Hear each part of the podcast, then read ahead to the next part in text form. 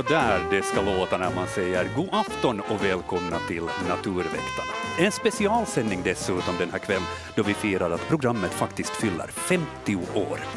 Våra experter ikväll är alla samlade på plats. Anders Albrecht, Mimma Ekblad, Hans Hästbacka, Jörgen Palmgren och i vanlig ordning också Annika Ljungberg. Och sen har vi Tommy Slotte och Mikko Kuokka som sköter den tekniska biten. Mitt namn är Joakim Max. Välkomna med alla lyssnare. Och ett stort välkommen får jag också säga åt Björn Federley som är vår specialgäst. Tack ska du ha. Tack. Roligt att du är här med oss och uppmärksammar det faktum att vi faktiskt firar fem decennier. Ehm, och du var med eh, de flesta. Hur många år blev det sist och slutligen? Om vi tar de hela, hela säsongerna så var det 38.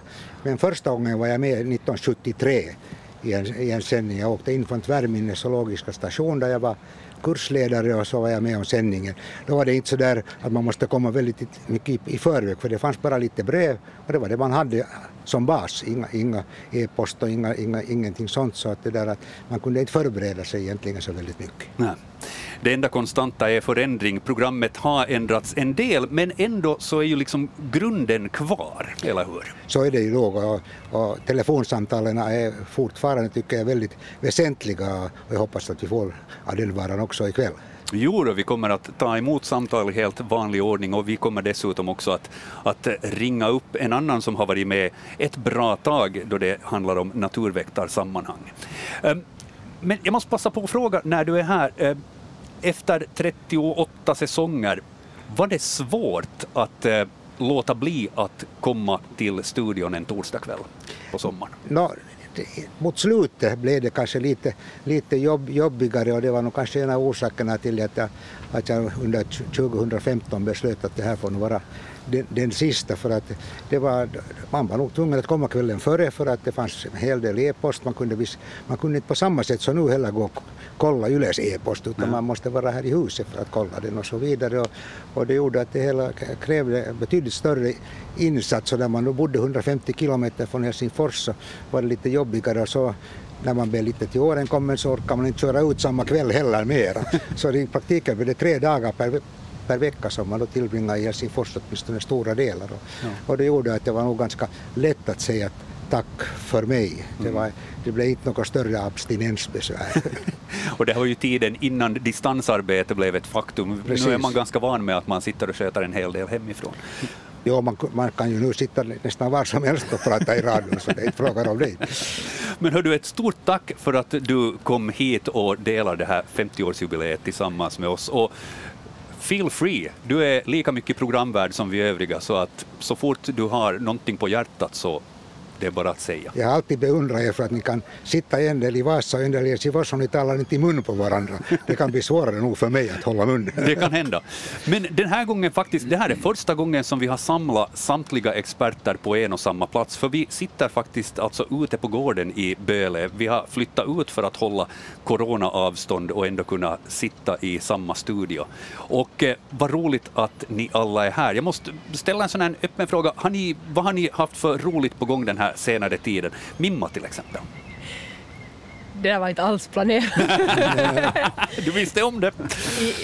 Ja, jag har varit på världens äventyr för jag var...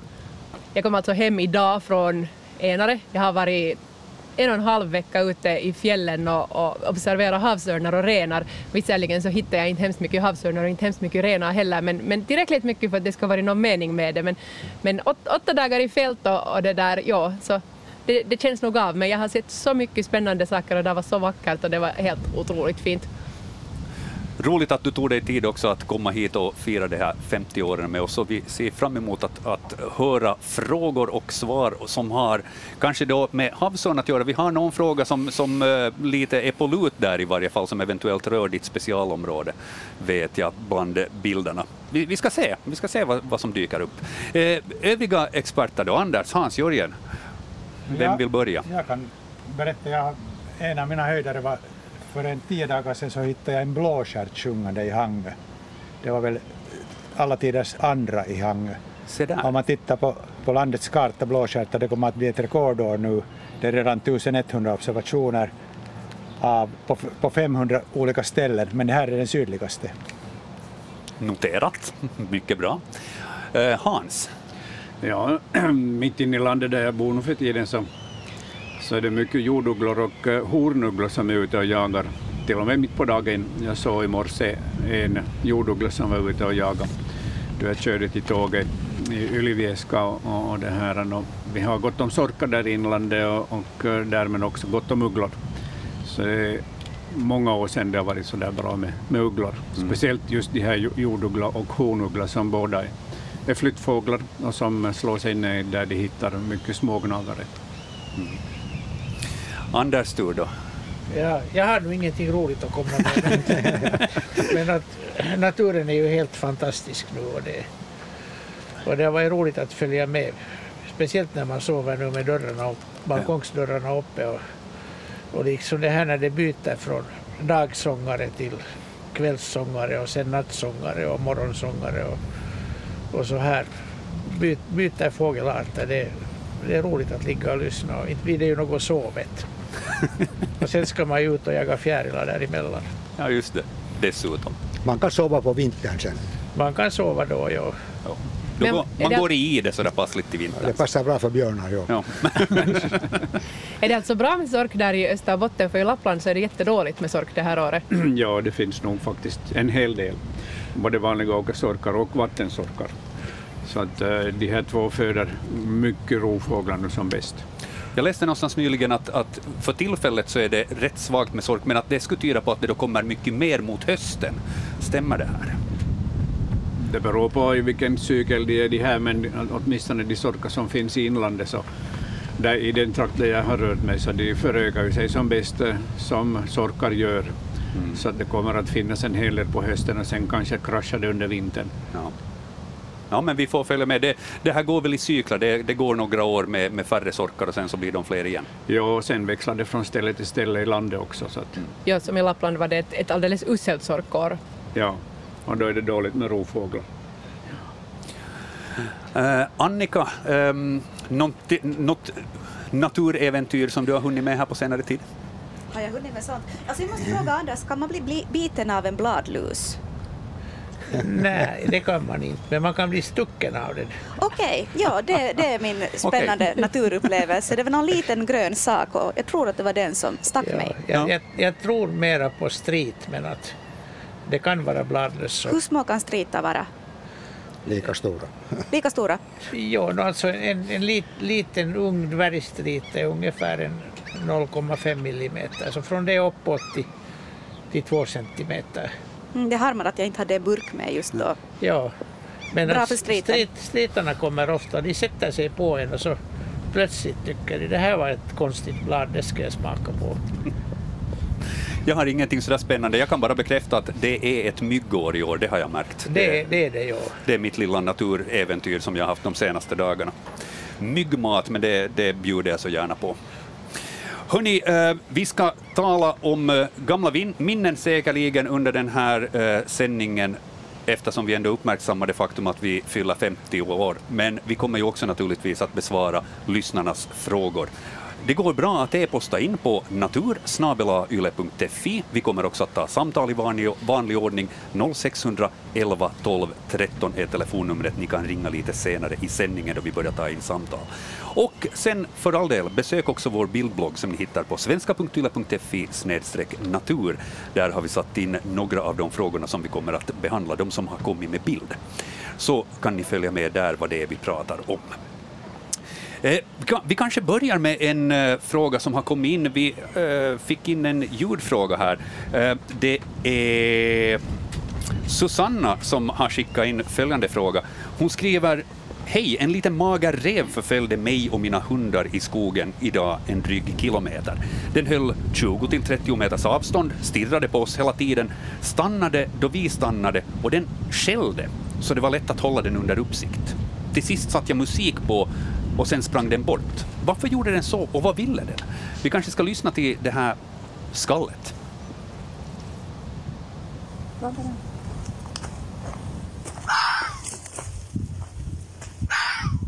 Hallå!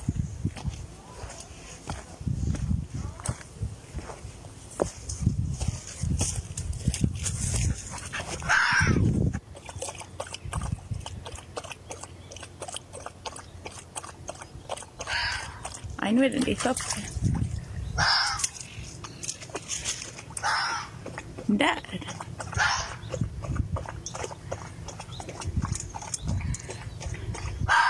Förutom reven så hör vi också Susanna och hennes två hundar där kan vi säga.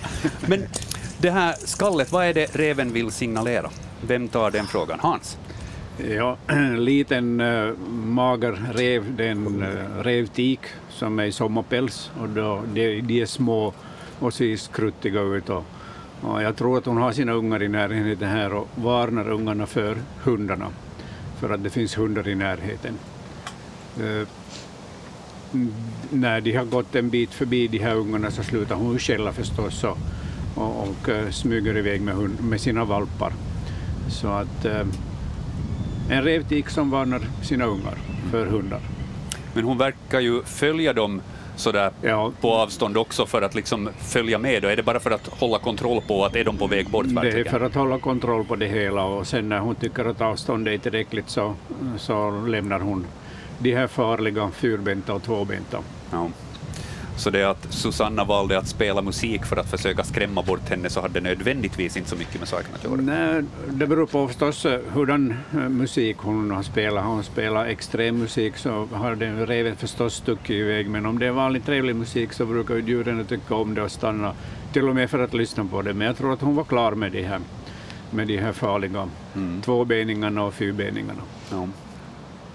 Det, det låter ju sådär snudd på hiskeligt det här ljudet ifall man är lite oförberedd. Jag har hört det här ljudet själv också i skogen. Man hoppar lite till för att det är, det är lite sådär hjärtskärande på något vis. Ja, lite spökaktigt ja. kan man säga. Är man inte van att röra sig i naturen och, och höra reven äh, skälla så på det här sättet så hoppar man nog till och blir fundersam. Mm. Vi har ett samtal som väntar också. Jag tycker vi tar in det och säger god afton, välkommen till Naturväktarna. Vem är det vi har med oss? God afton, det är Anders Borgström. Hej! Hej Anders! Vad roligt att du hör av dig, för att du är på många sätt en, en en bekant röst i naturväktarsammanhang annars. Du brukar ringa in rätt ofta med frågor, men du har också varit med länge, eller hur? Ja, det stämmer. De, de, de facto så den, den andra, allra första sändningen då för 50 år sedan, så jag tror att jag var på, på, på mina föräldrars sommarställe i, på Björnsö i Sibbo tillsammans med min fru som, som väntar sitt, vårt första barn. Och, och, där, och, och, och, när, när jag visste att det kom det här programmet så tänkte jag nu ska jag nog hitta en sån fråga som ni måste ta in i sändningen. Och, och, och, det lyckades. Vad var det för en fråga då? Frågan var, måste man årligen putsa alla fågelholkar? Punkt. Och, och till det svarade Göran Bergman, professor Bergman, eh, absolut alla ska putsas utom starholken, för att staren putsar sin egen holk själv. Jag ska snabbt kolla med våra experter här, håller den här teorin ännu? Nog ganska bra nog. Eh, men jag tror att Göran Bergman bara glömde de här skrakholkarna och uggleholkarna. De ska man ju inte putsa. För det, det, det är tråkigt för sjöfåglarna att lägga sina ägg på eh, bara brädor. Ja, det stämmer, men, men, man kan ju sätta annat. Jag, jag trodde att man skulle putsa dem och sen sätta ny massa eller, eller gräs ja, eller just det. Just, just. Så, så men, brukar men, jag göra. Mm. Inre, inreda dem på nytt helt enkelt. Mm. Jag tycker att vi, vi ger all kredit åt, åt Göran Bergman. För all del. Det ska vi göra. Eller hur? Absolut. Ja, ja. ja men du, du, har följt det här programmet med andra ord ända sedan början. Eh, och eh, många intressanta frågor har det varit efter det också. Relativt nyligen här så hörde du av dig om en fisk också som var rätt speciell. Ja, det var här för några veckor sedan ja. faktiskt som jag ringde in och, och, och, och fick, fick höra att, att jag hade fått en skärkniv på nätet här i Pujoviken och, och det bekräftades några dagar senare då, då Björn, skolkamraten Björn Palmén ringde och, ringde, ringde och sa att, att det där mycket riktigt att det, det var säkert en på, på, på basen av min beskrivning mm. så, så att det var säkert en skärkniv. Men under årens lopp så har man ju varit med om, om, om alla möjliga tokigheter och, och, den, som, den som jag nu tycker att, att jag aldrig kommer att glömma var e, ett av de allra första, första sändningarna under, under några av de första åren.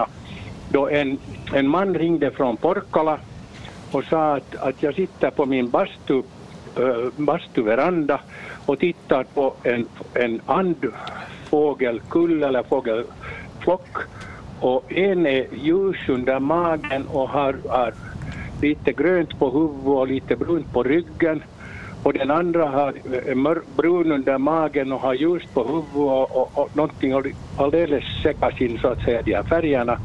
Och då sa Göran Bergman att sådana fåglar finns inte, sådana fåglar finns inte. Och då sa han att men jag sitter ju här nu och tittar på dem. Och, nej men sådana fåglar finns inte. Och då avbröt Rolf Grönblom och sa att förlåt att jag avbryter men er granne på andra sidan udden ringer och säger att hans tamankor har just rymt.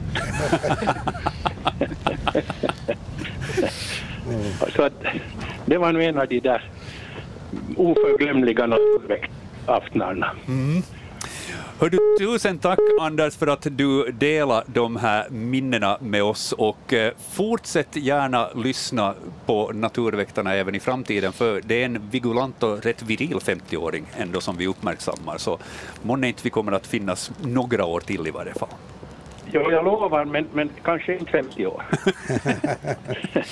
men lycka till och tack, tack för att ni finns till. Det är ett jätte, jättetrevligt program som, som jag tror att uh, vi alla borde, borde komma ihåg varje vecka på sommaren och varje månad under vinterhalvåret. Tusen tack, tack Anders, ha en riktigt skön kväll. Tack. tack. Hej, hej. hej. Roligt att höra om sådana saker som har hänt långt innan jag ens var tilltänkt, tänkte jag säga. Men, men mycket annat har ju hänt under åren också, och det här är ju en av standardfrågorna har jag märkt redan under de få åren som jag har varit programledare. Man får alltid frågan, vad är det tokigaste ni har fått in som fråga, eller vad är det mest spännande? Och jag, jag märker att den är alltid fullständigt omöjlig att besvara. För det kommer så mycket som är intressant, och vissa gånger kan det vara lite tokigt, men ändå inte. Det är allt beroende på vad man kommer fram till.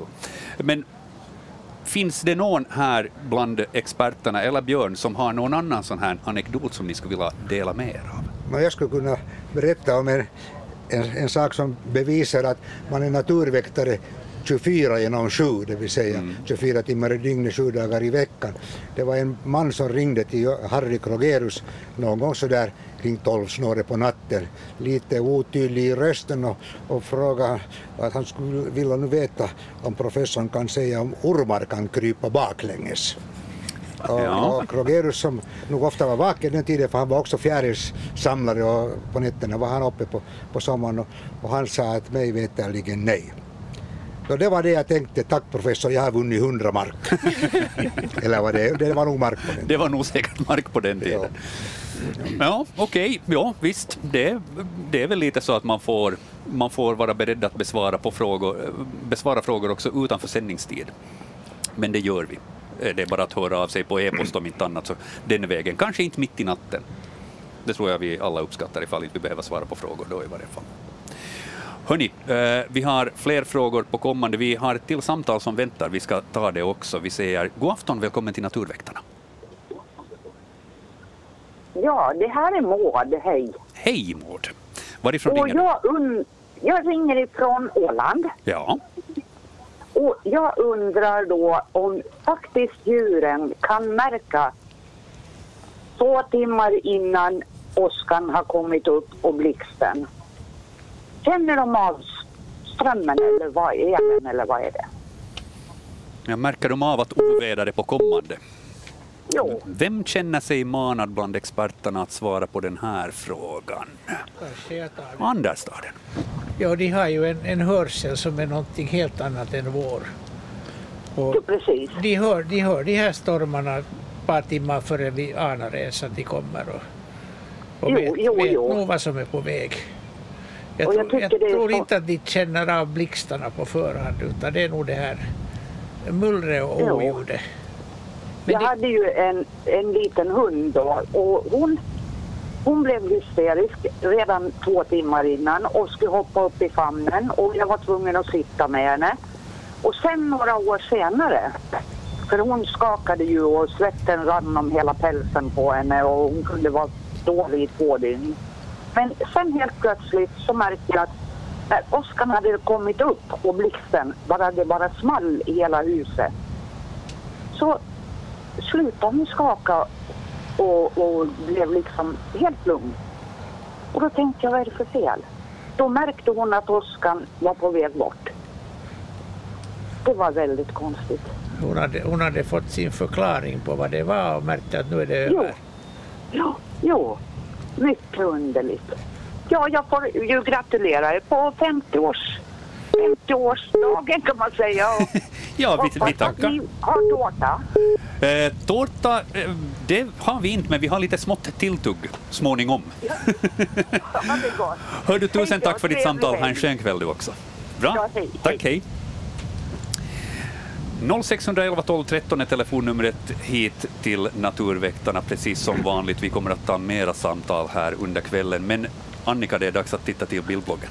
Ja, den första bilden på bildbloggen är någonting lurvigt och väldigt sött. Det är någon med vingar. Vingarna är väldigt genomskinliga och har väldigt tjocka mm, svarta fält ut längs kanterna, men annars kan man se igenom vingarna på den här lurviga kompisen som, som man skulle kunna tycka att det ser lite humlelik ut eftersom den har gulaktiga grön, brun, gråa färger, ljusa fält och sen något mörkt band. Men, men humla tror jag inte att det är. Den här um, bilden är inskickad av Per och han undrar alltså vad är detta för en insekt? Den är cirka två centimeter lång och har vilat sig på vår terrass i ett dygn. Ja, det här är en, en dagsvärmare vi har tre arter, alltså de är fjärilar, släkt, släkt med de här nattsvärmarna. Och två, två arter som är inhemska hos oss har de här genomskinliga vingarna. Och sen har vi stora dagsvärmar som kommer regelbundet söderifrån och kan föröka sig här men klarar inte vintern. Och av de här med genomskinliga så har vi två arter. Den ena kallas faktiskt humlelik dagsvärmare och den andra kallas svävfluglik dagsvärmare och det är den här. Och den här är vanligare i öster och det hänger ihop med att den, dess favoritnäringsväxt är åkerved som ju blir mycket rikligare österut. Är det på flit den försöker se ut som en humla? Har den någon nytta av det här utseendet? No, det har den säkert. Jo, antennerna är ju också stekelantenner typiska. Den. Men att den i motsats till humlorna så sätter den sig inte på blomman utan den flyger som en kolibri och suger, suger i, i flykten. Och har man inte sett sådana förut så blir man nog förvånad över att det ska vara en fjäril. Den har mycket små vingar jämfört med fjärilar. Ja, den, den ser ut som en humla. Och, och de, här, de här genomskinliga partierna faktiskt, så när den, när den kläcks ur puppan så har den helt bruna vingar. Men när den har slagit några vingslag så faller de här vingfjällen av. Och den får de här typiskt genomskinliga vingarna. Vi har ju en annan grupp fjärilar också som heter glasvingar som har samma, samma system. Men de är inte alls släkt med de här, de är släkt med malarna. Annars ganska lika, de liknar mera getingar igen. Mm. Kan du upprepa igen, vad var det den hette den här? Svävfluglik dagsvärmare. Svävfluglik dagsvärmare. Och dagsvärmare har ju alltså just så här smala vingar, att det, de är inte som våra dagfjärilar som har jättestora vingar, utan det här är helt klassisk storlek på svärmarvingar, men det är bara inte klassiskt att de är genomskinliga. Mm. Eller så är den speciellt lurvig och det är därför förhållande ving och kropp ser ovanlig ut i mina ögon. Eller så har jag inte Jo, alltså den, den har kortare vingar än vad svärmare normalt har, men, men vingformen är typisk svärmar, svärmarform. Men att kroppen är egentligen inte så här stor och bred utan det är just de här hår, hårfjällen som gör den lurvig som gör att den ser tjock ut. Drygt 12 minuter i jämn timme i Ylevega. Det är Naturväktarna ni lyssnar på och det här är vår eh, specialsändning då vi uppmärksammar det faktum att vi firar 50 år i år. Och eh, därför har vi samtliga experter på plats och eh, uppbackade dessutom av Björn Federley. Så här finns mycket expertis beredda att svara på era frågor om djur och natur. Och vi har ett samtal som väntar. Vi ska ta in det. Om vi har det kvar där. Ja, inte för tillfället. Då får vi återkomma till telefonsamtalen lite senare. Eh, vi kan titta på en till fråga som har kommit in med ett videoklipp. Eh, det finns stillbilder av den här på bildbloggen som ni hittar på svenska.yle.fi natur. Um, och det är Ville som skriver så här. Hej!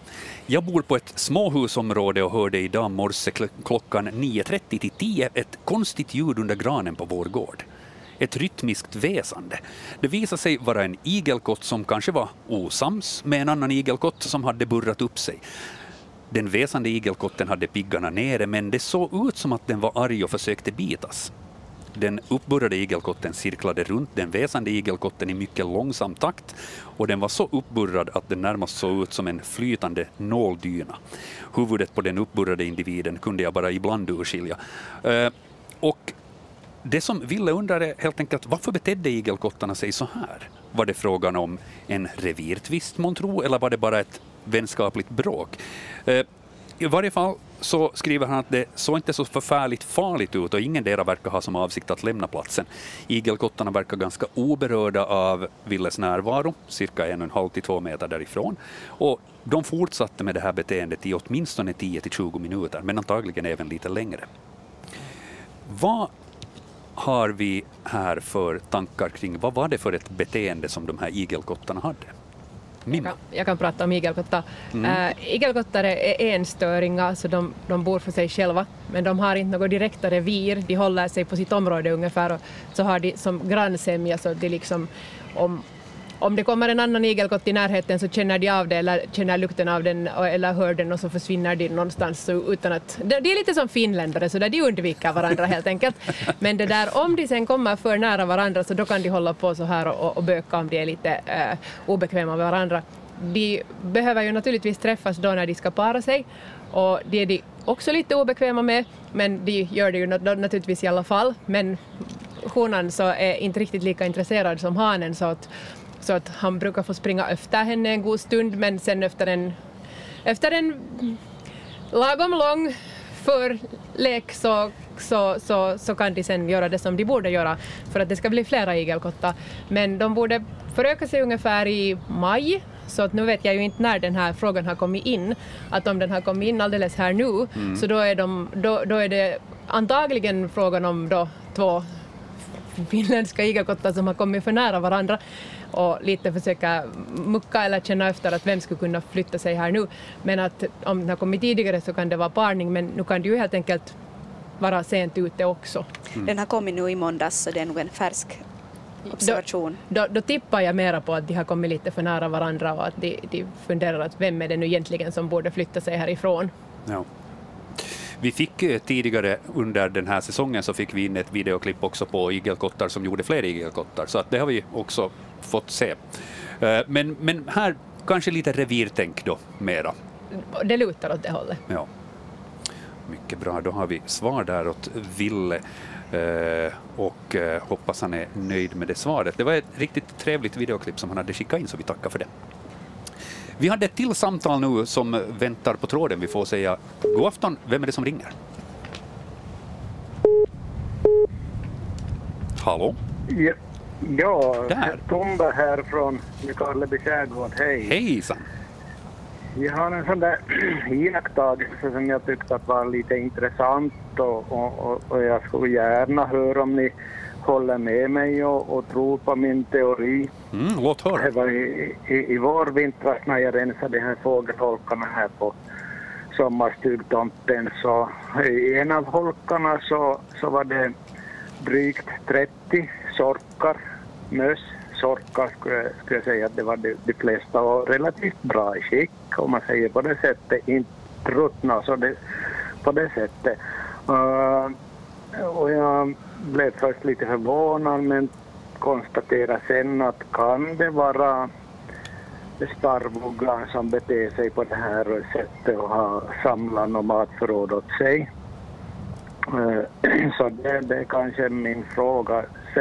Sen det, det lite intressanta i situationen var att, att eh, när jag två dagar efter skulle fara och städa undan de här sorkarna som låg under holken då på, på marken så, så var var, varenda, varenda sorka borta. Allt var bort och, och som jag bedömde det, eller jag är ganska säker på att det var mårdhundspår som, som fanns i snön då, som eh, antagligen varit och kalasa på, på de här sorkarna.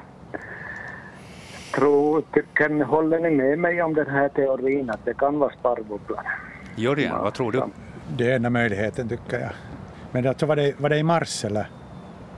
Uh, kan ha varit i mars. Ja. Jo, i vår, vårvintern. Just det, och du städade alltså bort de där sorkarna?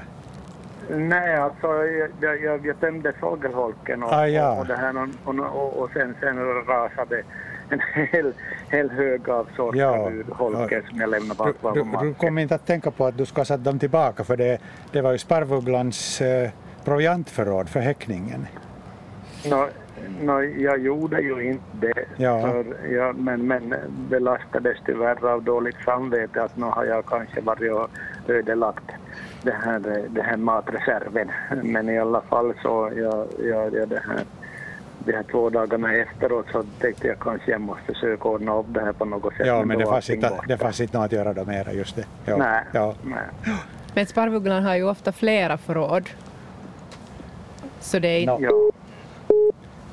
Den, den, kan ha en frys någon annanstans den också? Den kan ha, ja. Särskilt om det är gott om, om sorkar så kan den göra flera förråd för de ryms inte i alla. Men, men det, det är genialiskt det här av sparvugglan att, att ha ett frysförråd där den har näring för om, om situationen blir kärvare.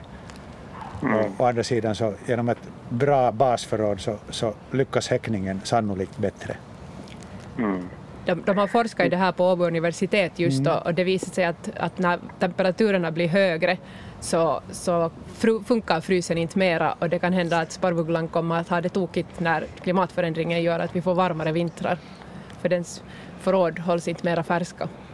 Mm. Ja. ja, men, men tydligen så... No, personligen skulle jag hellre, hellre förse sparvugglan med mat än, än, än mårdhundarna. jag också. ja, eh, sen en annan sak. Eh, vi har en, en som jag definierar som en falk som flyger över vassarna här och, och står och uh, rydlar heter det väl när de står och fladdrar så där i, stilla i luften. Uh, men jag har inte kunnat definiera vilken typ av falk det där är, men, men vad, vad tror ni skulle vara mest sannolika, sannolik, uh, Eh, vilken, vilken typ av falk eh, skulle det sannolikt kunna vara? Eh, det är nog en ton, tonfalk som äh, står och ryttlar på det där sättet över marken. Och det är en av de få fåglar som ryttlar när de spanar efter byten. Silvertärnan är ju till exempel en annan fågelart som också ryttlar innan den dyker. Och jag har sett äh, kanske tio olika tonfalkar stå och ryttla över eh, åkermark och också kalhyggen eh, nu den här månaden, så vi har en hel del hel del häckande tonfalkar i Österbotten i vid bemärkelse. Så det är nog en mm. tonfalke. Då, då, då biter jag på det. Och så tackar jag för samtalet. Hördu, tusen tack för dina frågor och eh, ha en riktigt skön fortsättning på kvällen. Tack detsamma. Bra. Tack, hej då. Ja, vi har drygt tre minuter på oss innan vi ska ge plats för nyheterna. Är det så att vi har någon kort fråga som vi eventuellt kunde behandla som är utanför bildbloggen? Vi ska se snabbt om vi hittar en här. Ehm, är det, är det en eh, getingsommar att tala om det här överhuvudtaget? Nej, no, inte ännu åtminstone. Det är väldigt dåligt med, med getingar. Det var ju dåligt i fjol och de de har haft svårt med vintern uppenbarligen. Och det, det är mycket, mycket lite getingar och Jag har varit ganska mycket i blåbärsskogar som ju är viktiga för, för getingarna. Jag har inte sett där en enda. Men vi hade faktiskt två stycken i trädgården i år. Mm. Men det, det är inte mycket det. Det var Maria från Päijänne som hörde av sig och hon menar att det kan bli en ganska jobbig getingsommar, åtminstone där hon är, för att där har hon noterat väldigt många. Nyfikna ja. getingar också dessutom. Ja, så men vi ska hoppas att det blir annanstans också. Får jag passa på att fråga, jag har haft istället för getingar, vi har haft bin som surrar omkring på vår veranda och går in i olika springor. Är, är det någon sorts solitära bin du då är det, det är solitära bin, ja. Och det finns det tydligen det, mer Det finns mycket av dem, ja. Och humlor finns det nu väldigt mycket ja. av.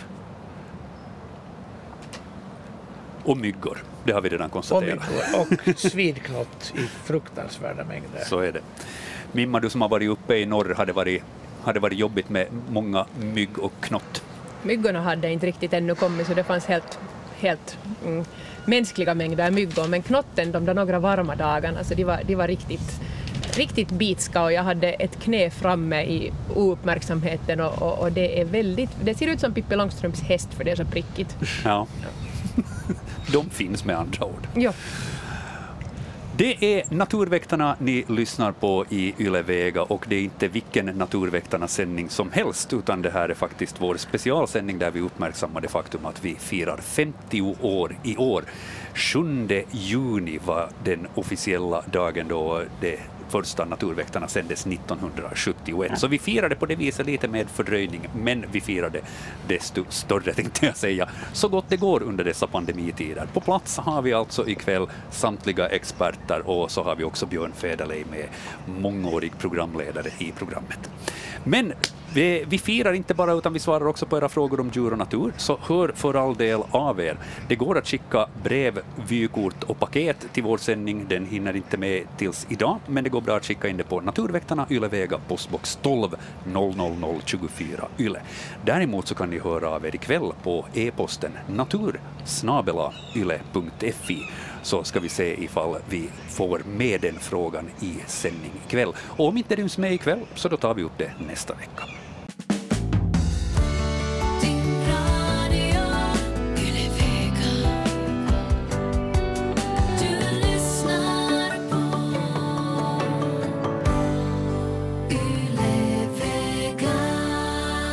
Varmt välkomna till Naturväktarnas specialsändning där vi sänder från eh, Yles bakgård i Böle, mitt ute här på gräsmattan för att kunna hålla ett coronasäkert avstånd i och med att vi har samtliga experter på plats här ikväll. Anders Albrecht, Mimma Ekbad, Hans Hästbacka, Jörgen Palmgren och så har vi Björn Federley med också. Annika Ljungberg och mitt namn är Joakim Lax. Välkomna att delta i den här sändningen med era frågor om djur och natur. Med den här samlingen experter så får man svar på det mesta. Vilka olika arter har vi sett här ute på gräsmattan? Jörgen Hans, vilka är det som ni hade sett här hittills? Skata. Skata. Ja, och sen stenskvätta som ju är otroligt Tänk att komma till huvudstaden och se häckande stenskvätta här i Böle, det är ju fantastiskt med tanke på hur eh, dåligt det är med stenskvättor och häckande stenskvättor i jordbrukslandskapet idag. Vad hade vi annat? Där var två stycken. Steglitz flög just här förbi. Ja, se där. Ja, den var just och drack vatten i, i den här dammen. Sen har vi sädesärlar som häckar här, svartvit flugsnappare i en holk här bakom oss. Strandskata glömde du. Ja, Strandskatan. Fiskmåsar på taken. Gråtrut. Mm, och ringduva har varit och druckit ja. här i dammen också. Där har vi fåglarna som vi hittills har sett. Eh, mycket annat också. Och tornseglaren. Mm. Ja. Och en kanin såg vi just som studsade här förbi.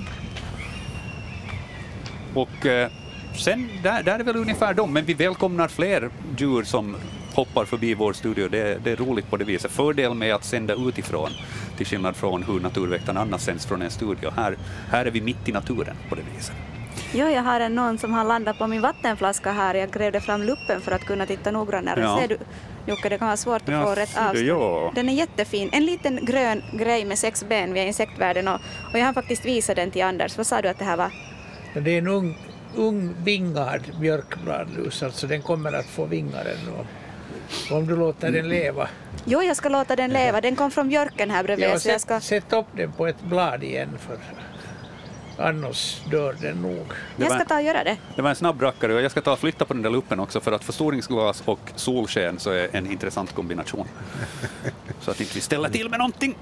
Mycket väl. Ehm, Det är Naturväktarna som sagt och förutom att vi då firar 50 år så besvarar vi naturligtvis lyssnarnas frågor också. Man kan höra av sig på e-postadressen natursnabelayle.fi eller så ringer man 0600 11 12 13. Vi ska kontrollera, hade vi något telefonsamtal som hänger på tråden nu för tillfället? Vi säger god afton. Har vi någon där? God afton. Det här är Bernice ringer från Maxmo skärgård. Hej. Hej Bernice. Eh, vi råkade ut för en sån sak att när vi kom till villan här på våren och skulle städa undan så, så hittade vi små stenar på, på golvet inne i villan och det var, från, det var såna här seppelstenar som vi har på gårdsplan, typ centimeter stora. Och vi tänkte först att nå, vi har dragit in dem själv med dubbskor här i december men sen hittade jag en gömma in i en träsko med en 10-15 stenar. Och då började vi fundera att vem skulle dra in stenar i huset och varför? Ja, intressant fråga. Eh, nu ska vi se, Hans, har du någon Ja, teori? Det är antingen skogsmus eller husmus som har dragit in de här, de här seppelstenarna.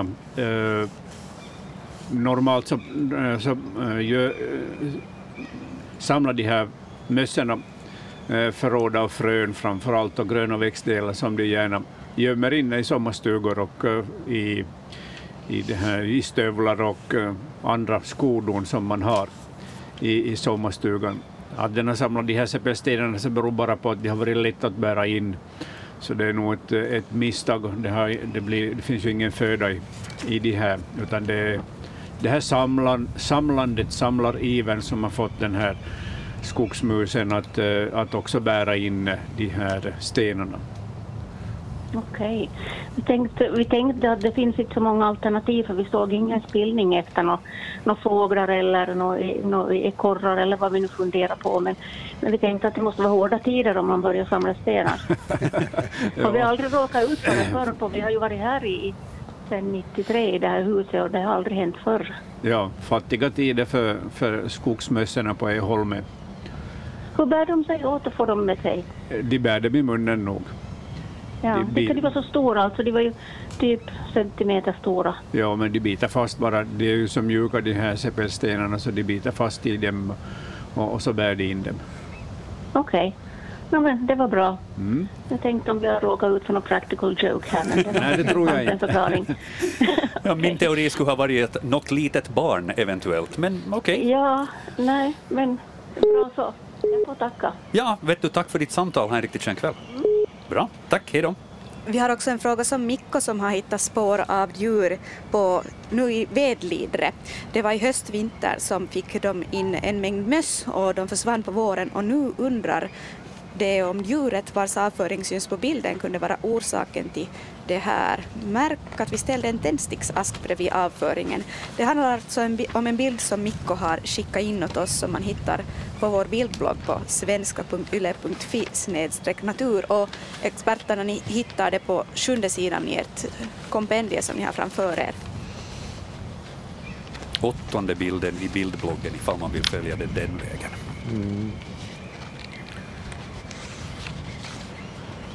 Hans? Sorkar och mössor lockar till sig visslor och hermeliner och det här är antingen eh, avföring av, av vissla eller hermelin.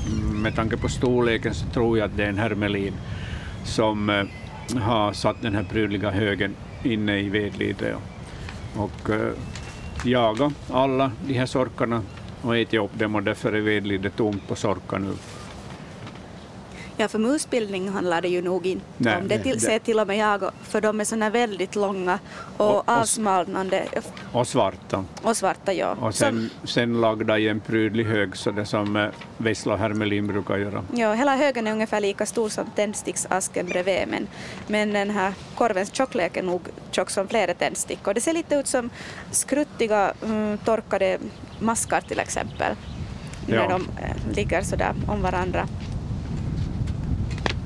Ja, de är effektiva eh, äh, smågnagarjägare, de här hermelinerna och, och visslorna. Och och brukar nog rensa rent när de kommer till ett ställe där det finns gott om smågnagare. Mycket bra, då har vi svar på den frågan. Som sagt, bildbloggen den hittar ni på svenska.yle.fi natur. Där kan ni följa med vilka frågor det är som vi behandlar i Naturväktarna. Um, fortsätt för all del att skicka in uh, frågor till e-postadressen natursnabelayle.fi ifall det är så att det är någonting ni undrar över. Och är det så att vi inte hinner med den frågan den här kvällen så tar vi med oss det till nästa vecka istället så kanske det får svar då. Det är många som hör av sig nu, men um, ska vi titta på följande bild i bildbloggen för vi har några bilder som vi redan har satt upp dit som vi räkna lite sådär med att vi ska hinna med ikväll, Annika? Ja, vi fortsätter i ordningsföljd. Vi blev, efter, vi blev på en sån här Ja, vad är nu det här? Jag måste läsa frågan och titta närmare på bilden innan jag kan ens berätta vad det här handlar om. Eh, per har skickat in oss en bild som ser ut som en eh, bulle gjord av frön ungefär, det vill säga något slags äh, paket. Jag vet inte om det är frön eller vad det är för stickor där inuti, men det får experterna svara på senare. Jag ska läsa upp vad Per har skrivit åt oss. Hittade en underlig korv på marken. Den hade kommit dit på dagen utan att jag märkte att något djur skulle ha rört sig där. Är det avföring eller en spyboll? Vem kan ha lämnat det? Vem vill ta frågan? Jag skulle säga att det är en, det är en spyboll. Eh, jag har sett sådana här när jag har taxerat fiskmåsskär, häckningsskär. Eh, uttryckligen just i, i maj-juni månadsskifte. Det är sådana här, den är fyra centimeter lång den här som finns här på bilden och här finns spannmålsfrön och sen något annat med. Och jag har där, när jag har sett det på fiskmåsskäret så det har i varje fall varit fiskmåsar som har hämtat dem dit. Jag är inte riktigt säker på att hur, hur det är med skrattmåsen, den gör säkert nog likadana. Fast fiskmåsen nog är i större numerär på åkrarna. Mm. Men jag tror de har mindre spybollar, skrattmåsarna. Eh, det kan hända, men ja. jag, jag, har inte riktigt liksom koll på vad, vad, det, vad den storleken skulle vara. Jag skulle sätta en centimeter bort okay, ungefär. Det, ja. Ja. Den här är ungefär fyra centimeter lång på ett ungefär, och vad ska vi säga, bredd, två centimeter, två och en halv. En och en halv, två. Ja, någonting sånt. Ja. Fiskmås eller skrattmås? Fiskmås. Fiskmås tycker jag hans ja. Ja. bekräftar. Jag är överraskad av hur hela de här spannmålsfröna är då de kommer ut. Mm. Har den inte lyckats smälta något mer av det? Nej, alltså de, de, kommer, de kommer ut som spybollar. jag vet inte varför de inte går vidare i tarmen. De borde ju det skulle finnas näring i dem. Ja. De är ju förädlad sedan ja. när de är så stora så kanske mm. de är lite för stora för att fortsätta sin resa genom måsen. Måsfåglarna är ju, är ju specialiserade nog på, på proteinrik föda, maskar och fiskar och insekter och, och har kanske inte förmåga att, att smälta spannmål som gäss och tranor har. Eh, så det är väl nog därför de mm. Packar ihop dem i spybollar och spyr ut dem. Kan de, kan de fungera som någon sorts malningsverktyg i deras kräva? Eh, inte de här eh, spannmålskornen, de är nog för mjuka. För mjuka ja. Ja. ja. Då undrar man ju naturligtvis lite varför de överhuvudtaget äter dem. Ja, de äter ju allt möjligt på åkrarna och, och får i sig bland annat spannmål på det här sättet. Tillsammans med maskarna till exempel, som de äter flitigt av. Biprodukt. Mm. Vissa djur så bävern till exempel så har ju en tendens att kunna äta sin avföring, eller hur, för att på det viset liksom använda sig av den näring som finns kvar för, av vissa hårdsmälta, eh, vad ska vi säga, det som den har ätit. Berätta mig gärna om jag har fel här, men jag, åtminstone så har jag uppfattat att det kan bävrar ibland göra. Det gör, haren gör ju det också. Ja. Eh, ifall, ifall sådana här spybollar ligger någonstans, är det här föda nu ännu för någon annan? Det kan vara föda för vissa skalbaggar åtminstone. Ja. Och kanske, kanske några andra insekter och sen förstås bakterier och svampar. Mm. De drar nytta av det. De, de bryts nog ner. Ja. Just, okay. just bävern så, och, och äh, hararnas matsmältning så den är specialiserad på det sättet att de, de har en stor blindtarm där, där maten bearbetas av, av bakterier och enzymer, precis som uh, det motsvarar förstås idisslarnas bearbetning av, av uh, den växtföda de äter. Men, men bäver och hare har ju inte fyra magar som, som korna, utan de måste, de, den här processen sker i blindtarmen och sen när den kommer ut, den här gröna massan då från, från blindtarmen, så äter de upp den på nytt och, mm. och då är den mycket protein och vitaminrik, den här födan. Så de förädlar maten i blindtarmen. Mm. Men i det här fallet fiskmåsen, en spyboll med dessa korn och liknande kvar och det bryts sen ner av någon annan. Det är inte liksom något näringsvärde desto mera i det här längre. De, de har yttre idissling, där var korna idisslar så har de här yttre idissling. Ja, det kallas väl kaprofagi eller något sånt där. No, det är ju att äta avföring, men ja. ja. Det, och det gör det ju. No. På sätt och vis, ja, men det är ju en special Ja, specialavföring. Ja. Mm. Yttre idissling, jag tycker det är en bra term på det. ja. Exoidisling. Exoidisling, ja, sådär. Genast låter det mer vetenskapligt. Ja. Det låter finare. Ja. Hörni, i Naturväktarna ska vi gå vidare med följande samtal. Vi har någon som har ringt på numret 0611 12 13. Vi säger god afton, vem är det som vi har med oss? Ja, det var Kurre här från Ålands Jurmo. Hejsan. Vad har du för fråga? Jag funderar på det, jag är långtradarchaufför och, och, och det är en massa djur som springer till höger och vänster som vitsvanshjort och, och rådjur och, och de hör ju till, till Finland, Finlands, vad heter det, djur, djurrike egentligen. Men att jag tycker att det är lite så att, att de ställer till stor skada, åtminstone på Åland är det är det viltolyckor varje, ja, alltså, som varje dygn är det någon som kör på, på eh, rådjur och, och ja, och sen vitsvans och, och älgarna tar till flykten när de inga gillar vitsvansarna så är det mycket mindre älg än vad det har varit förut. Mm. Att jag undrar varför, man, varför jakt är begränsat på på hjort och, och, och rådjur när de hör till Finland. Rå... Och inte till Åland heller. Rådjuren är faktiskt, de, de hör hit, de har kommit hit alldeles själva, så de är helt finländare. Vitsvanshjortarna är införda. Ja, varför, varför för man in egentligen? Har man inte sett ändå jagar så att det hålls på en rimlig nivå? De är, de är ju nog införda för jakt. Ja, för jakten, sen, sen är det ingen, det är begränsat jakten i alla fall sen. Ja, no, det, kan, det kan man sen fundera på. Mm.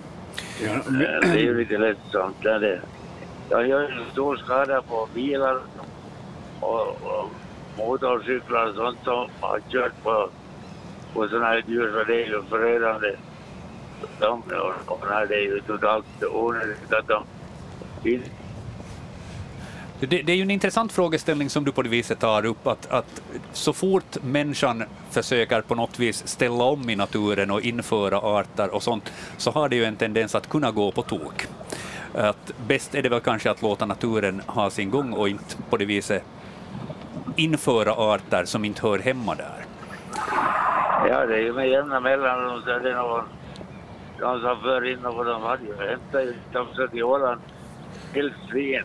Mm. Men han lyckades få bort dem innan han gjorde någon större skada. Ja. Istället har vi här i, i Nyland hur mycket som helst.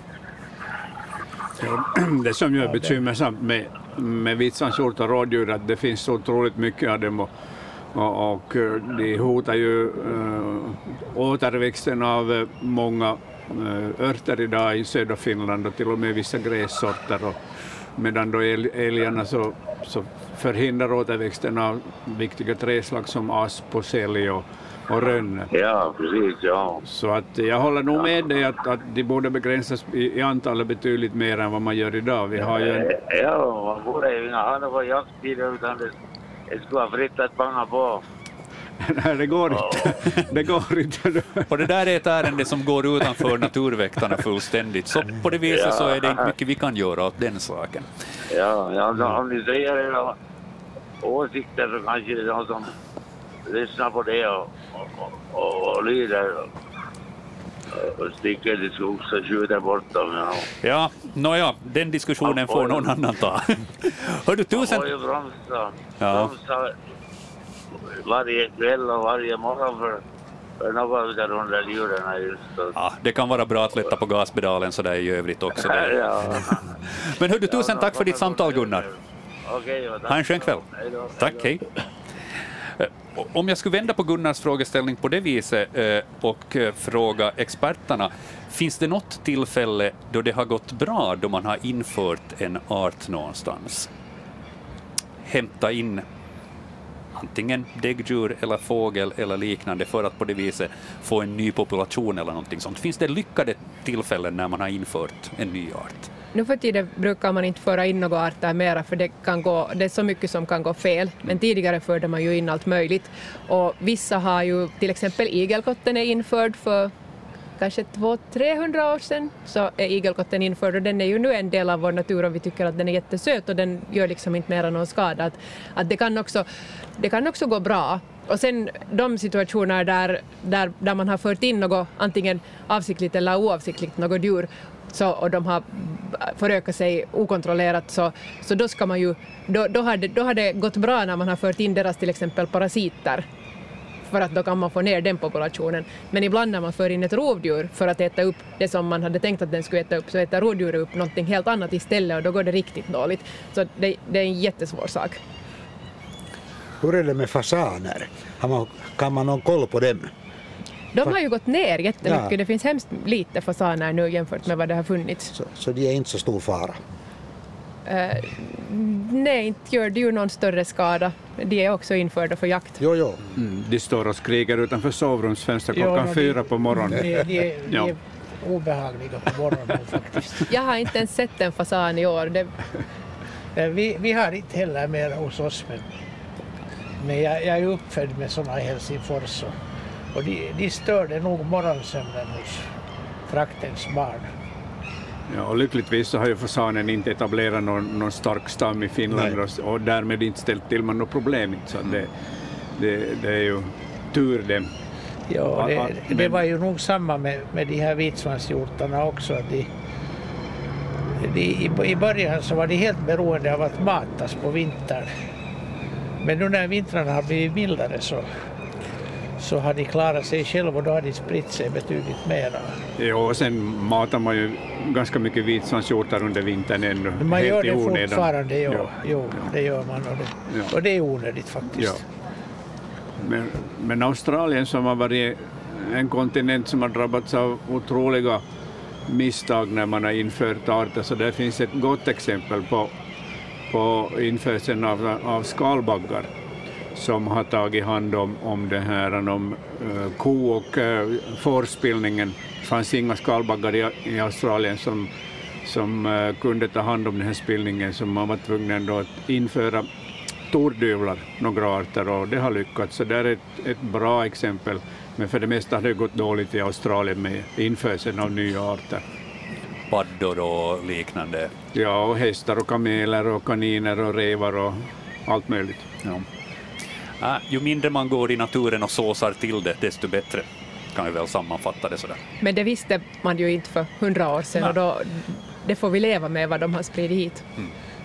Man visste nog. Men man, man borde ha kunnat tänka då också med till exempel bävern var ju, det, det, var ju i all vänlighet, man hade nästan utrotat bävern och så var man helt yeah, vi tar in från Kanada istället och så var det en annan art och så har det gått riktigt tokigt. Ja, då det var för att de inte brydde sig om att ta reda på. Mm.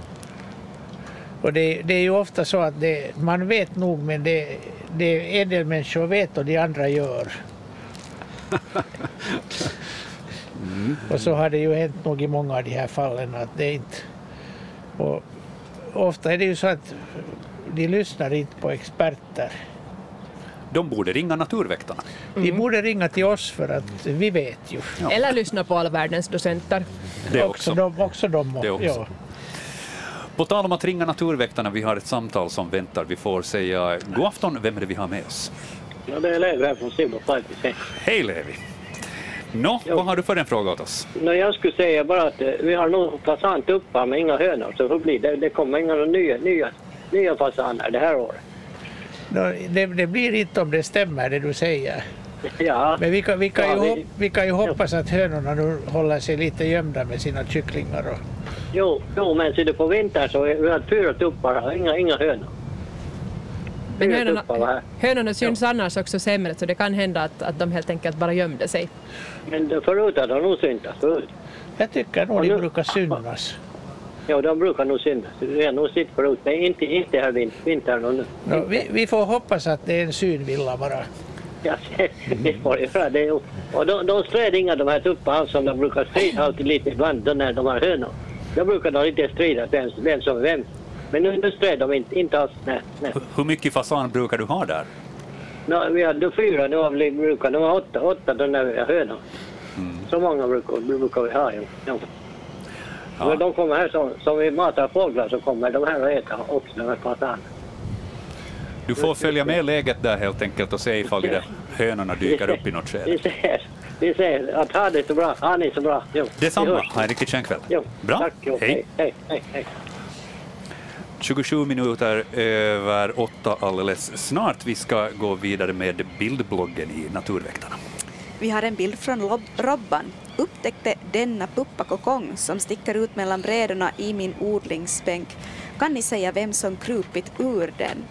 Och när jag ser på bilden som vi har på vår bildblogg så tycker jag inte att det ser ut som den här klassiska kokongen. Det ser ut som en skruttig insekt som har blivit inklämd mellan brädorna. Sån en ledarartad brudsak. Å andra sidan så är den här lite tudelad den här eh, insektgrejen så kanske det är just där den har spruckit upp för att insekten skulle ha kunnat komma ut och jag har jättesvårt att säga vad för slags insekt där skulle ha kunnat tänkas vara men den har i varje fall ett ben eller en tagg eller någonting som sticker ut där på, på sidan. Den är inte så hemskt stor för där bredvid har vi ett tallbar. Hur, stora, hur stor skulle du Anders säga att den här har varit den här puppan? No, nu, det, det är lite, lite frågan om hur stor tallbar det är. Ja, den är också instucken där. Men att det, är, alltså det, är en, det är en typisk småfjärilspuppa som har, som har kommit ut här. De är nämligen motsats till storfjärilarna så de är väldigt rörliga och de kan krypa lång, långa sträckor under jorden eller i trä och så här. Och så har den kommit ut, har den kommit nu den här? Ja. Och då om man jämför med det här så det är nästan så att den enda som blir kvar så det är, är humlerotfjärilen. Alltså en, en rotfjäril som lever av, av rötter. Och den har, den har levat där i, i den här blombänken och odlingsbänken och så har den kommit ut ut och kläckts. Det är därför den är tudelad. Är det just larven som är den som lever på rötter? Lever. Hur ser den här ut sen då den har kommit ut? Den är, om det är en hane så är den kritvit och ganska stor. Om man spänner ut den så kanske det är 6 centimeter Oj, det skulle man inte tro av den här puppan. Ser vi hela puppan eller hur stor Nej, vi ser, vi ser bara ena ändan. Ja, ser vi hälften av puppan där? Nej, en tredjedel, fjärdedel kanske.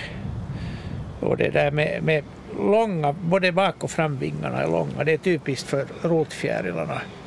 Att de har inte den här skillnaden mellan fram och bakvingar. De räknas höra till de mest primitiva fjärilar vi har. Och är det en hona så är den ännu betydligt större med gul bakgrund med orangea sådana band och fläckar. Otroligt vackra djur. Och, och hanen har en sån här speciell svärmningsflykt, vanligen ovanför något träd eller buskar på, på natten.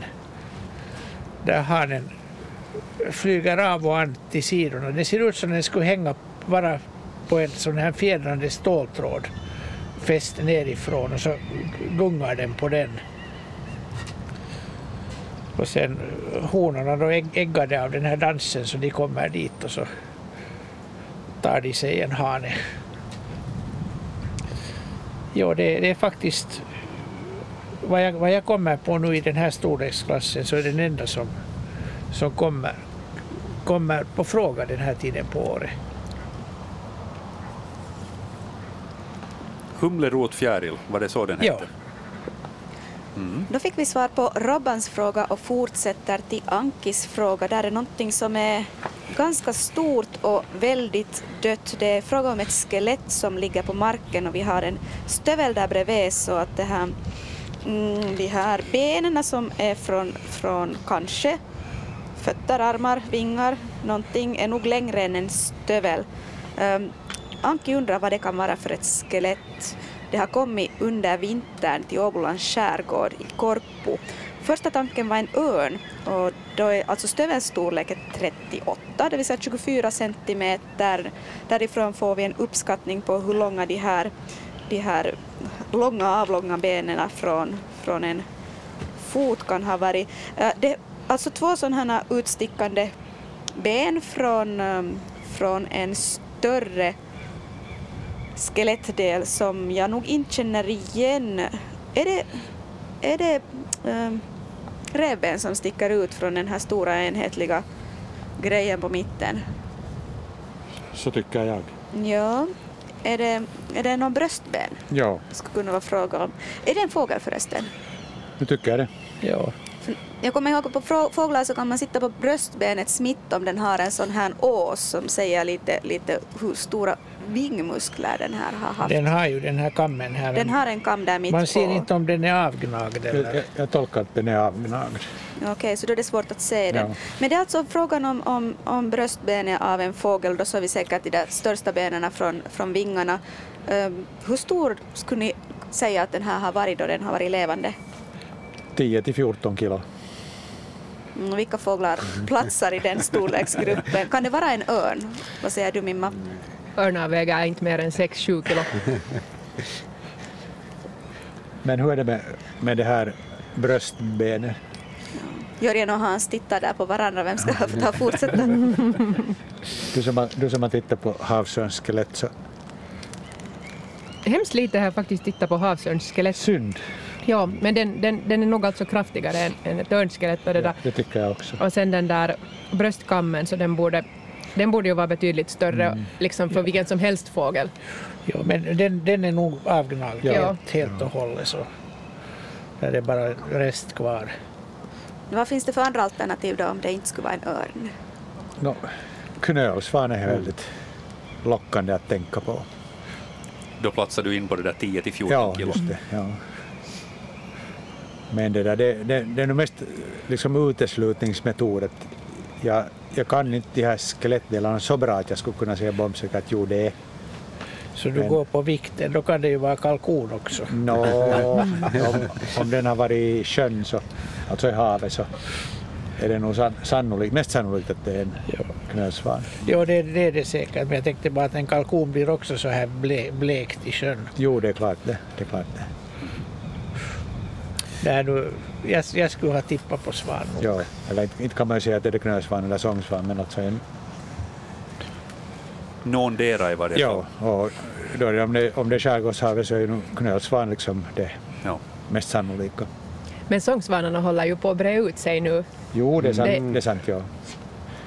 Men de sångsvanarna är vanligtvis äh, flexiblare i sitt flyttningsbeteende, att de hänger inte kvar fast havet fryser utan de kan verkligen dra sig vidare. Men knölsvanarna de ligger på isen tills det smälter där under mm. i värsta fall. Ja. Och ibland så smälter det inte och då kan det gå så här. Då har vi resultatet i Ankis bilder där. Men knölsvan, jag tycker att det... det... Det är det bästa förslaget som jag kommer på. Jag tycker att det låter som ett vinnande förslag. 25 minuter i en timme alldeles snart i Yle Vega och det är Naturväktarna ni lyssnar på. Vi ska kontrollera, är det så att vi har ett samtal på tråden? Vi säger god afton, vem är det vi har med oss? God afton, det är Rita Wahlberg från Kimito. Hej. Vad har du för en fråga hej, till våra experter? Ja, kanske två också. Ja, låt höra. Men jag ska bara säga att fasaner har vi här i Kimito. De är inte mycket rädda heller. Jag satt ute idag den kom åt bara där och plockade frön och den hade sånt ljud. Jag har tuppen ljud när den äter eller hade några hönor som jag inte såg. Här har nog varit hönor. Tuppen brukar nog gå omkring och skrocka för sig själv också nu när hönorna ligger på ägg och ruvar. Eller valla Det var nog kanske det då, för jag, Ja. jag satt bakom så här att den inte såg mig direkt och jag försökte lura mig. Jag såg inte hönor men jag tänkte de kunde ju vara lägre ner men, men djur hade. Ja, den, Men den skrek inte, den gjorde förut först före den kom och sen var den nötig för att äta so- ja. Men sen var den andra frågan om hackspetten. Här har varit hackspett och den har haft ett bo antagligen i en asp ganska högt upp på ett runt håll riktigt. Har de det? Runt håll? Ja. ja. Och där har varit väldigt liv och rörelse och nu är det riktigt dött. ja. Men nu har två ekorrar här, kan den ha varit och gjort något eller de har nog kunnat göra något? Nå, inte nödvändigt. Alltså det, det är ju en sån här hackspettbo så det är väldigt livligt ända tills Ja. ungarna flyger ut så är det tyst. Och det sker, Ja. det sker på en dag. Ja, just det, jo. Och det var en dag tidigare här så gick jag här och det var ett väldans liv. Ja, de, de, Och den kom neråt och emot så Ja. tänkte jag att nu är den arg på mig, det är bäst att jag försvinner. ja, alltså det är ju, ju större ungarna blir desto, desto större oväsen Mm. för dem där i, i hålet. Och Just. när de är riktigt stora sen så, så ligger en av ungarna där i, i, i öppningen och tiggar mat och det hörs vida omkring. Jo, jag vet förut för de har ju varit här Mm. och mamman har ju fått mata med dem och har ett väldans jobb. Mm. Och det vet jag att de har, därför funderar jag i år då jag inte har sett av dem så tänkte jag, har det hänt något nu sen när, när det var sånt liv den där dagen? Mm. Därför blev jag orolig. Ja, Men kanske det- de kommer ännu då, att jag Nå, får se alltså, dem lite. Nå, de, när de har flugit ut ur boet så är de ut ur boet. Det inte, inte kommer Nå, de det tillbaka ju till så, det ja. mera.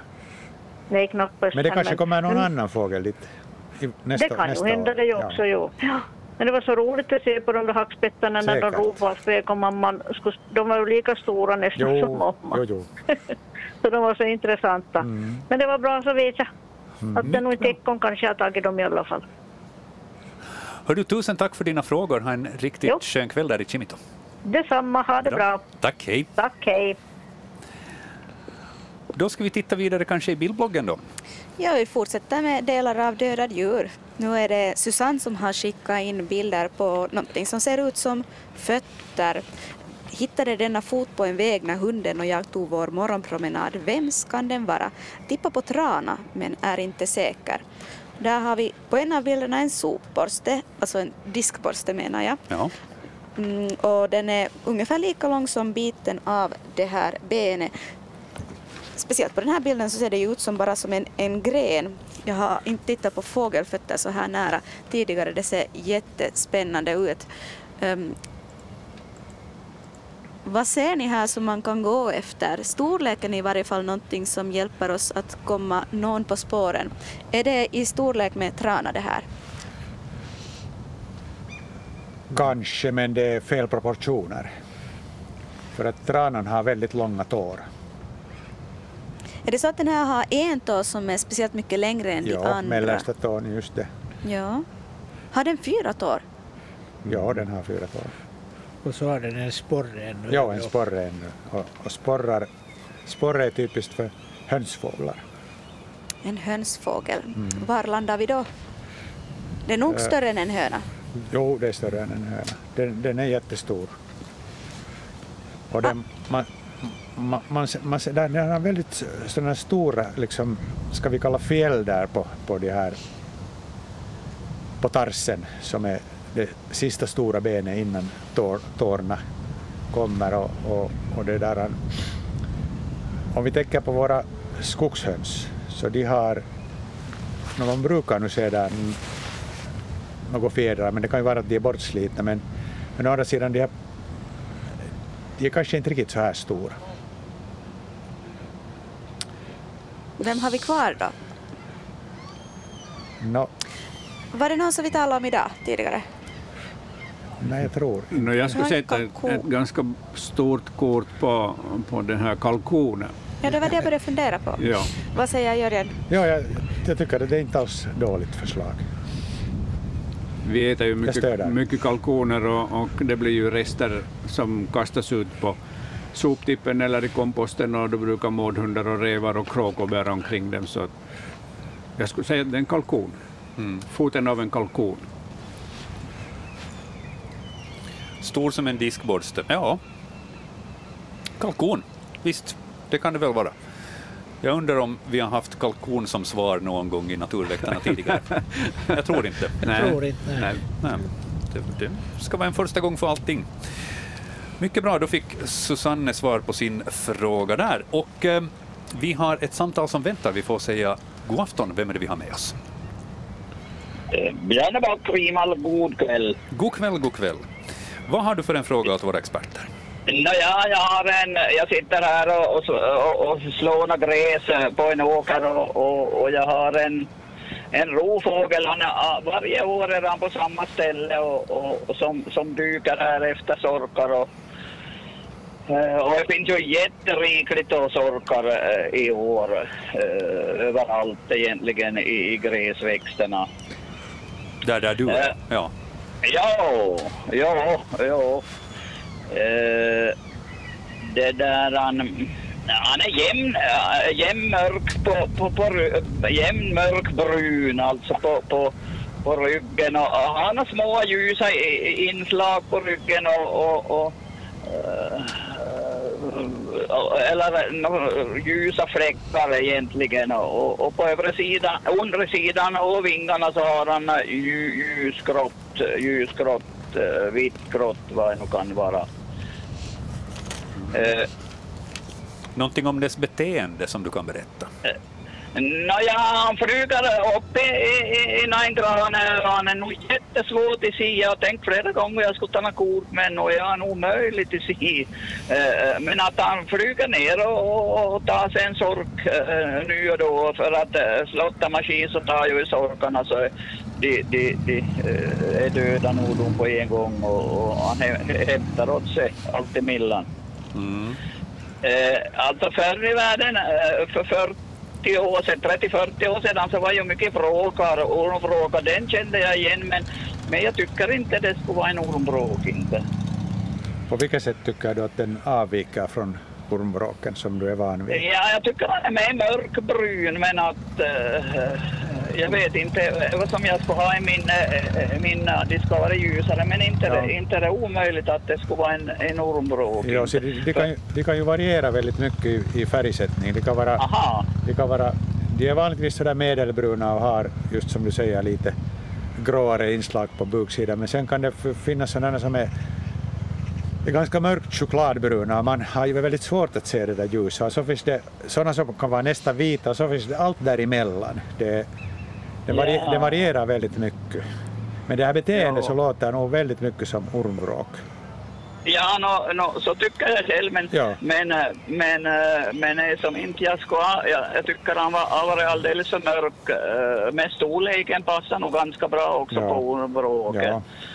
Men, men jag vet för, för, för när vi var förde korna till, till, till betesmarkerna så, så skrek de ju väldigt. Ja. Men ja. att man har ju inte hört det, det skriande på lång, lång, långa tider. Ja, du har inte kanske haft där ormvråk så nära? Nej, det ska... ja, jag, jag, jag vet inte. Förr var det nog våldsamma mm. mängder med ormvråkar. Mm. De kunde ju vara fyra, fem stycken här på samma ställe. Men men uh, den här har varit nu några år på, på samma mm, ställe. Mm.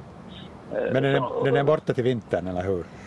Ja, nej, ja, ja, inte ser se, se han på vintern, ja. inte. Men, men månne det kunde vara en ormbråk. Nu, det låter nog väldigt lämpligt. Ja. Ja, no, kråkorna och, och, och, och korpar har jag i mängder som ja. också har, gör samma, samma jobb och ja. vi är ju jätteglada att de, de far iväg med som det skadade sorkar och, och, och, och, så vi inte får dem i fodret till, till djuren. Ja. ja, de gör ett bra jobb och, och, och, och, och men att han det har varit i, i flera år här på, på, på samma ställe så, så dukar han upp när jag börjar slås. så tar han sina munsbitar. Ja. Du får försöka knäppa en bild i något skede ifall du råkar ha kameran eller telefonen i närheten. Ja, jag har försökt och jag, hade, jag har försökt ta, men det är nog jättesvårt att se när han flyger upp bara innan Granqvist här i, i, i, i åkarkanten, men, men nu, nu jag faken svårt att få ögonen på. Ja. och så när han flyger så är det nog för sent. mm.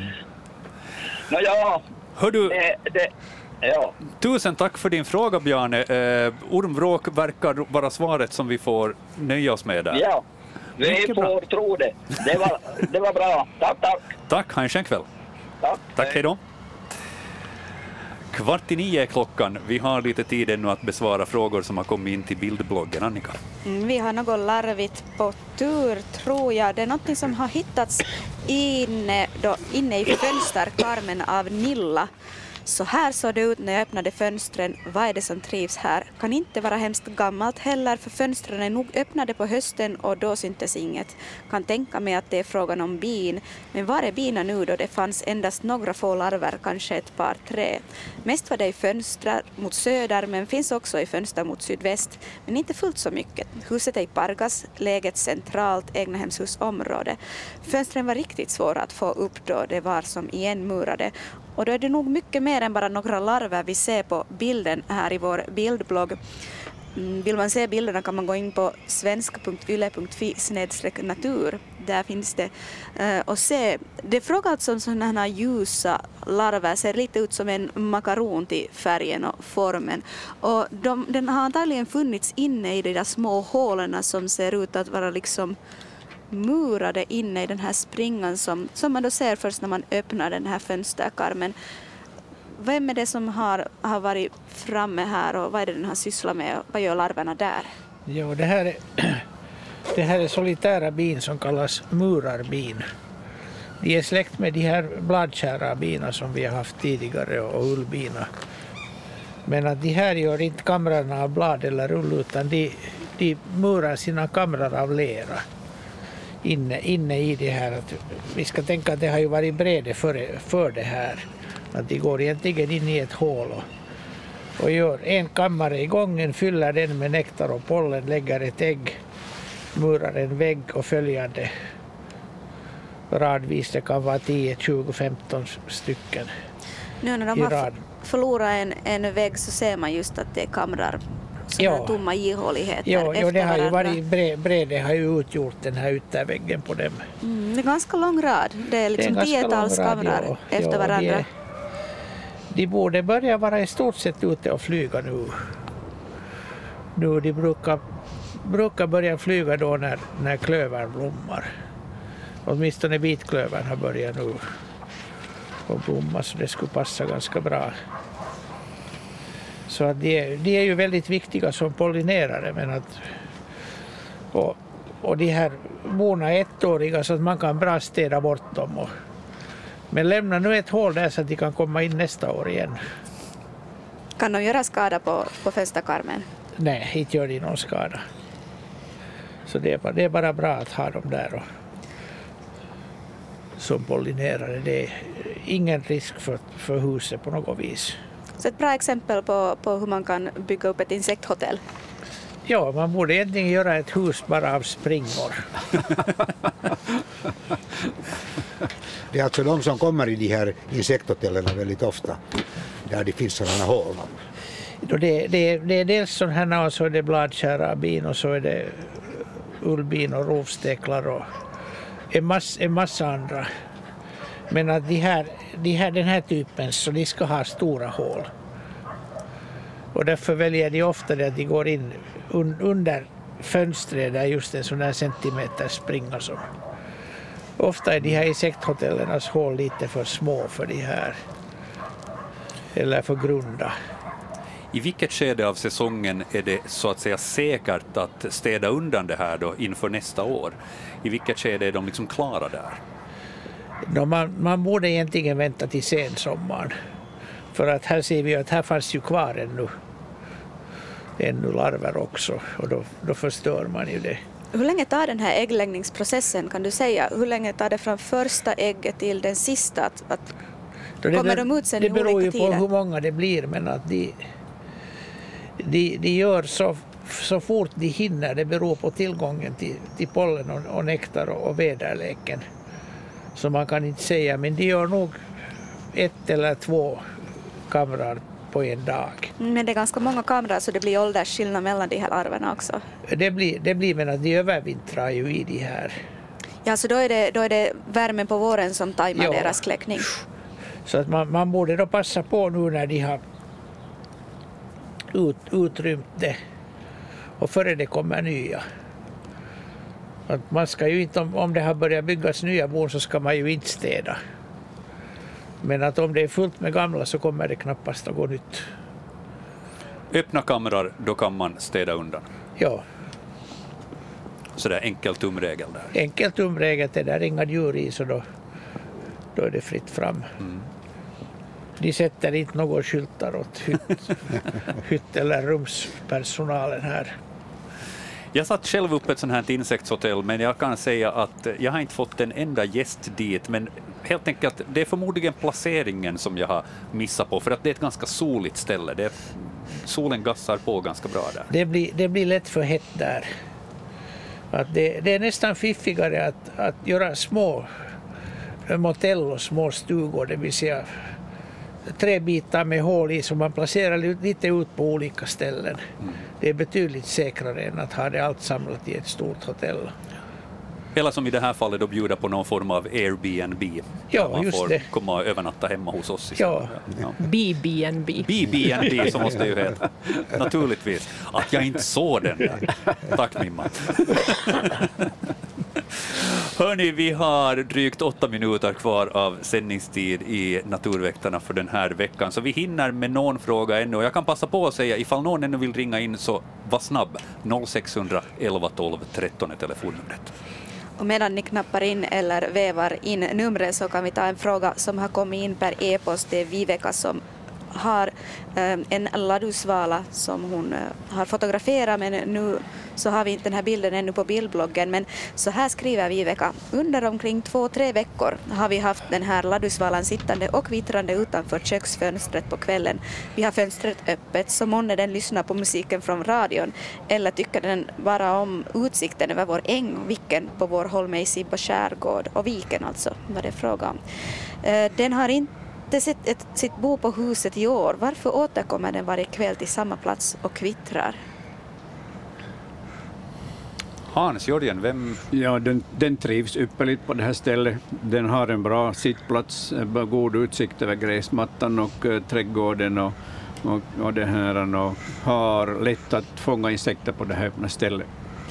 Det är ett idealiskt ställe för den helt enkelt, fast inte den eh, häckar på det här stället. Men det skulle gå att lägga upp eh, några, några brädor under, under takskägget åt den här ladusvalan så att den får möjlighet att häcka vid själva huset ifall den vill göra det. De är ju tacksamma, tacksamma gäster, de här ladusvalarna, och hämtar ju en innerlig sommarstämning med sig. Och de kvittrar ju jättefint och, och stämningsfullt men det där, fortsätter de kvittra fast de har eh, hittat sin partner för året? Jo, det, jo, jo, ladusvalan kan ju sjunga under hela häckningen. Och kan också göra två kullar så att det, där- det är två månader den håller på. Är det med ladusvalan som det fungerar att man lite hjälper till med bobyggande ifall man använder- någon form av lerkrukor eller något sånt här? Mm, nej, Fungerar det? Det är oftast hussvala som man Det kan hjälpa husvala. med det. Ja, Och det är helt okej det också. Ja. de kan man också hjälpa. Mm. Men för ladusvalan så då är det bäst att helt enkelt bara förbereda att här kan du bygga bo.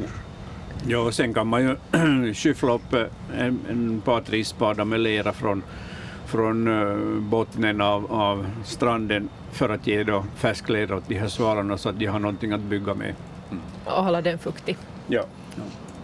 Eller så kan man sätta upp en brygga, då får man nästan säkert svalor, bara det finns i. Vi, vi, vi satte ut en brygga för några år sedan och det, det var för sent för det året, men följande sommar hade vi svalor under den. Vi har några minuter ännu, vi hinner med ett samtal. Vi har någon som har ringt så vi får säga god afton, välkommen med till Naturväktarna. No, god afton, det är Anna-Barbara Kress här, hej. Jag Hej. bor i Helsingfors i Mosabacka och jag för två och en halv veckor sedan så märkte jag på min balkong som är då där nära Malms gamla flygfält att en um, koltrast har byggt bo i blomkrukan som är en meter från balkongdörren. Och det där, fem ägg är där och igår var ena ägget kläckt och en liten unge. Och jag, jag har försökt att lite vara på balkongen så att de lite blir vana att, att de nu inte är helt livrädda för mig. Men nu verkar det så att när de kommer och mata så om jag går ut på balkongen eller om jag är där så går den inte till bo. Är det så att nu när den har ungarna i bo att nu kan jag inte liksom annat än gå och vattna blommorna så ska jag vara bort? Det är nog lite hur du, hur du liksom tänker. Jag, har försökt... No, nu, alltså, nu, ja. nu, är det så att de ska nog överleva. Okej, okay, no, om du tänker sådär så då, då, då, jo, jo, inte vill jag att de ska, vill jag att de ska stryka med. Ja, då, då gör du just sådär ja. som, du, som, du, som jag tänker att du, du vattnar nu och då. Och ja. det där, den, den godkänner det säkert. Ja. Och de här ungarna är två veckor i boet. Okej. Okay. Kommer, den att göra, ja, kommer den att göra en, en ny kull i år? Sannolikt, men den, den bygger ett nytt bo varje gång. Okej, no, men då är det ja, bra. Så, ja. så sen kanske om två, tre veckor så får jag balkongen tillbaka. Ja, ja. Du sa att, ja. Var det så att du sa att första ungen hade kläckt just? Ja, igår ja, såg jag första ungen, ja. ja. och jag, så mycket kunde jag gå och titta i morse klockan sex att det var bara en unge och sen fem minuter senare var både hanen och honan och vatta. Just, just, att, att de är tarka liksom att, att, när jag har varit där så verkar det att, att hanen kommer att vaxa om honan för att flyga. Mm. Att det, är ganska, det, det, det är nog hemskt roligt. Men jag ville veta just det här att, att att, det där, att jag ska inte försöka vänja dem att jag är på balkongen. Nu, nu, kan, du, nu kan du försöka med det också men, men det, det kan ju okay. misslyckas så det är ju lite tråkigt. Ja, no, inte vill jag ta den så, risken. Så där småningom, no. alltså, ju, ju, större ungarna blir så desto, desto, desto säkrare är det, eller säkrare säkrare, men desto, desto mera fästa är de här föräldrarna vid sitt bo och sina ungar. Okej, okay. ja. No, men det är du tre veckor ja. att det klarar jag nog säkert av. No, det var det här som jag ville veta. Ja. Tack så hemskt mycket för, för, för att jag nu har med i programmet. Tack. Hej. Tack för din fråga. Ha en skön kväll. Ja, tack. Bra. det var mig. Tack, hej.